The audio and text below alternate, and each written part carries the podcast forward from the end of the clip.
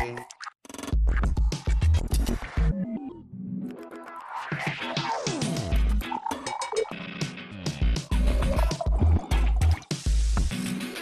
merhaba. Yine yeniden geldik ve kulaklarınızdayız.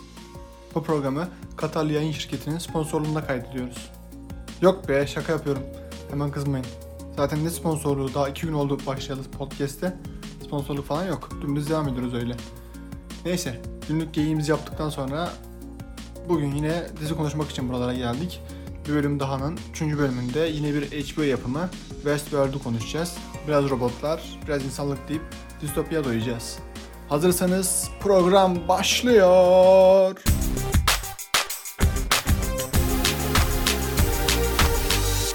Teknoloji ve teknolojik aygıtlar geliştikçe sinemada da bilim kurgu janrı buna paralel gelişim göstermeye başladı. Teknolojik aygıtların zaman içinde durdurulamaz bir gelişim göstererek dünyaya hükmedebileceğine dair görüşlerden ilkini robotların insanlık üzerinde üstünlük kuracağı fikri oluşturdu. Yaklaşık 40 yıllık bir külliyat olan bu distopya fikri zaman zaman gerçeği yitirip bir kurgudan öteye gidemese de son 10 yıllık teknolojik gelişim bu distopik fikri daha ayakları yere basan bir fikir haline getirdi. Endüstrilerin hızla gelişme göstermesi ve yapay zekanın teoriden ibaret olmadığını fark edilmesi ve hayatımızın içine doğrudan girdiğini görmemiz yıllardan beri sadece kurgu olan bu fikrin gerçek zeminler içinde konuşulmasına ve değerlendirilmesine neden oldu. Ben Robot filmiyle başlayan ve Ex Machina ile devam eden bu distopik evren tahayyülü 2016 yılında HBO yapımcılığında hayata geçen Westworld ile daha da ciddi bir hal almaya başladı.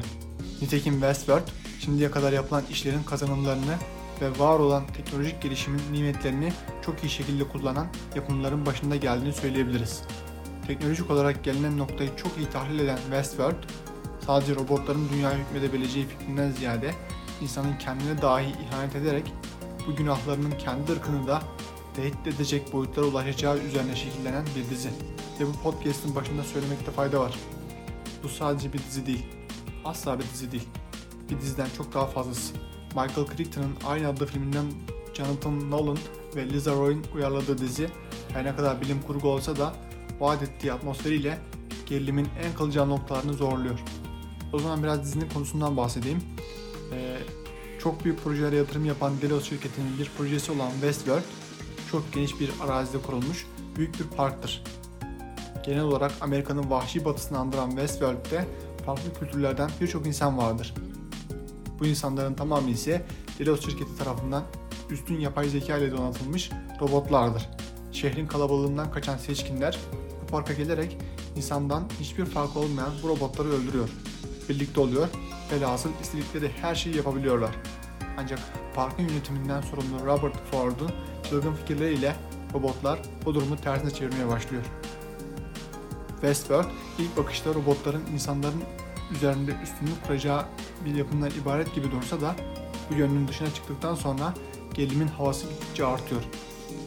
Yapay zekanın öğrenebilir ve irade sahibi olabilir durumu açığa kavuşturuldukça dizinin rengi de gittikçe değişiyor. Ford'un idealleri robotları gittikçe irade kazanır boyuta taşıması bir bakıma bizi yererken rahatlatıyor. Öyle ki Westworld Parkı'na gelen konuklar robotlara küreleri gibi canice davranmaları aslında insanın geçmişte yaptığı günahlarını hatırlatıyor bize. İnsanların yıllardan beri kendinden altta olanı hükmederek zulmetmesi Westworld'de böyle bir yansıyla bizi baş başa bırakıyor. Böyle bir ortamda içgüdüsel olarak güçsüzle özdeşleşerek robotların kazanmasını istemeye başlıyoruz. Ancak böyle bir ortamda içgüdüsel olarak güçsüzle özdeşleşerek robotların kazanmasını istemeye başlıyoruz. Ancak böyle dedikçe kafamızdan ve gerçek olursa sorularını da atamıyoruz. Üstelik Westworld'de her şey o kadar tanıdık ki hiçbir şey distopya gibi durmuyor. Robotlardan birinin insanların oyuncağı olduğunu aşama aşama öğrenerek bu dünyadan çıkma isteği dizinin katmanına katman ekliyor. Ancak ne var ki Mivin bu davranışları dahi Ford tarafından yazılmış. Yani özgürlük gibi duran her şeyde bir bakıma kurgu ve kuklalık farklı bir formda devam ediyor. Bu da bize gerçek özgürlüğün ne olduğunu sorgulamamızı sağlıyor. Kendi paramızı kazanıp istediğimiz evde oturup istediğimiz yerde yemek yemek özgürlük olabilir mi?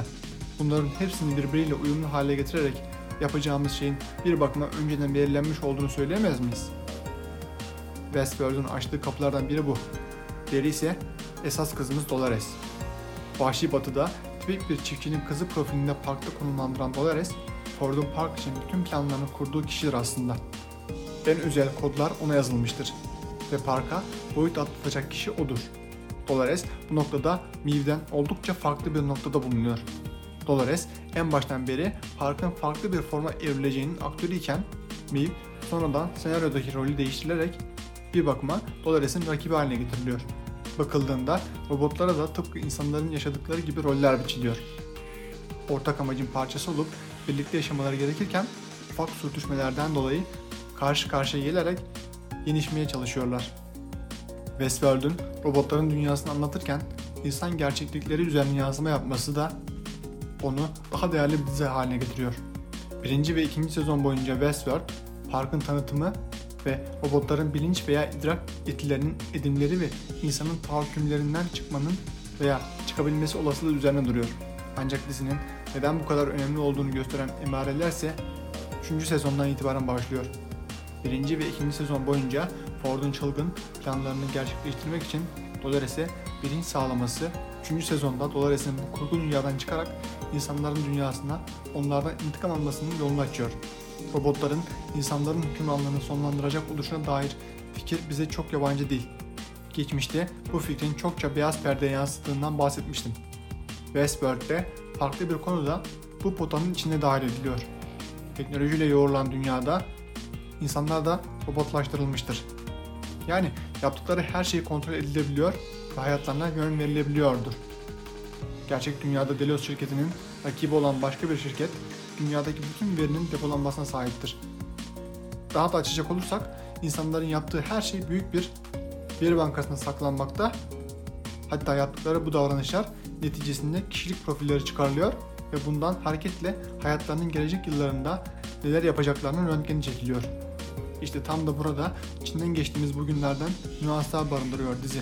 Öyle ki sosyal medya ve akıllı telefonlarla birlikte insanların her türlü kişisel bilgisi paylaşılıyor, satılıyor ve bunlar neticesinde karşımıza reklamlar çıkıyor. İnternette paylaşılan her bir bilginin büyük veride depolandığını ve buna göre aksiyonlar alındığını yıllardır bilinen bir gerçek. Hatta bu bilgilerle iktidarlar kazanılıyor. Kitleler büyük bir manipülasyona tabi tutulabiliyor. Dizinin konusu ve yaşadıklarımız o kadar iç içe geçmiş ki şu an dizi mi yoksa gerçek yaşamı anlatıyorum bilmiyorum. Westworld bir tık daha ileri giderek bu büyük verinin insanların ölüm tarihlerini de bilebildiğini öne sürüyor. Gerçek dünyada bu şu an için mümkün olmasa da onun haricinde her şeyin gerçek olmadığını söyleyemeyiz. Büyük veride toplanan bilgilerle insanların hangi işe daha uygun olduğu, hangi yaşamı seçmesi gerektiği net bir şekilde belirlenebiliyor. Çünkü girdiğimiz her site, tıkladığımız her sekme büyük veride bilgi aktarmasını sağlıyor ve yapay zeka bizim hakkımızda çıkarım sonuçlara ulaşıyor. Bu noktada Miv'in yaşadığı iklimi yaşıyoruz. Özgür olduğumuzu sansak da aslında özgür müyüz? Evet, Westworld bizi bu soruyla baş başa bırakıyor ve 3. sezon finalini yapıyor. Heyecanla 4. sezon beklediğimizi söyleyelim ve programı kapatalım.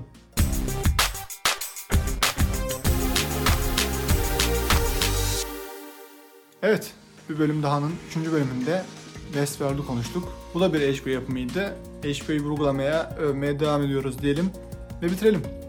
Evet, başka bir programda görüşmek dileğiyle. Hoşçakalın.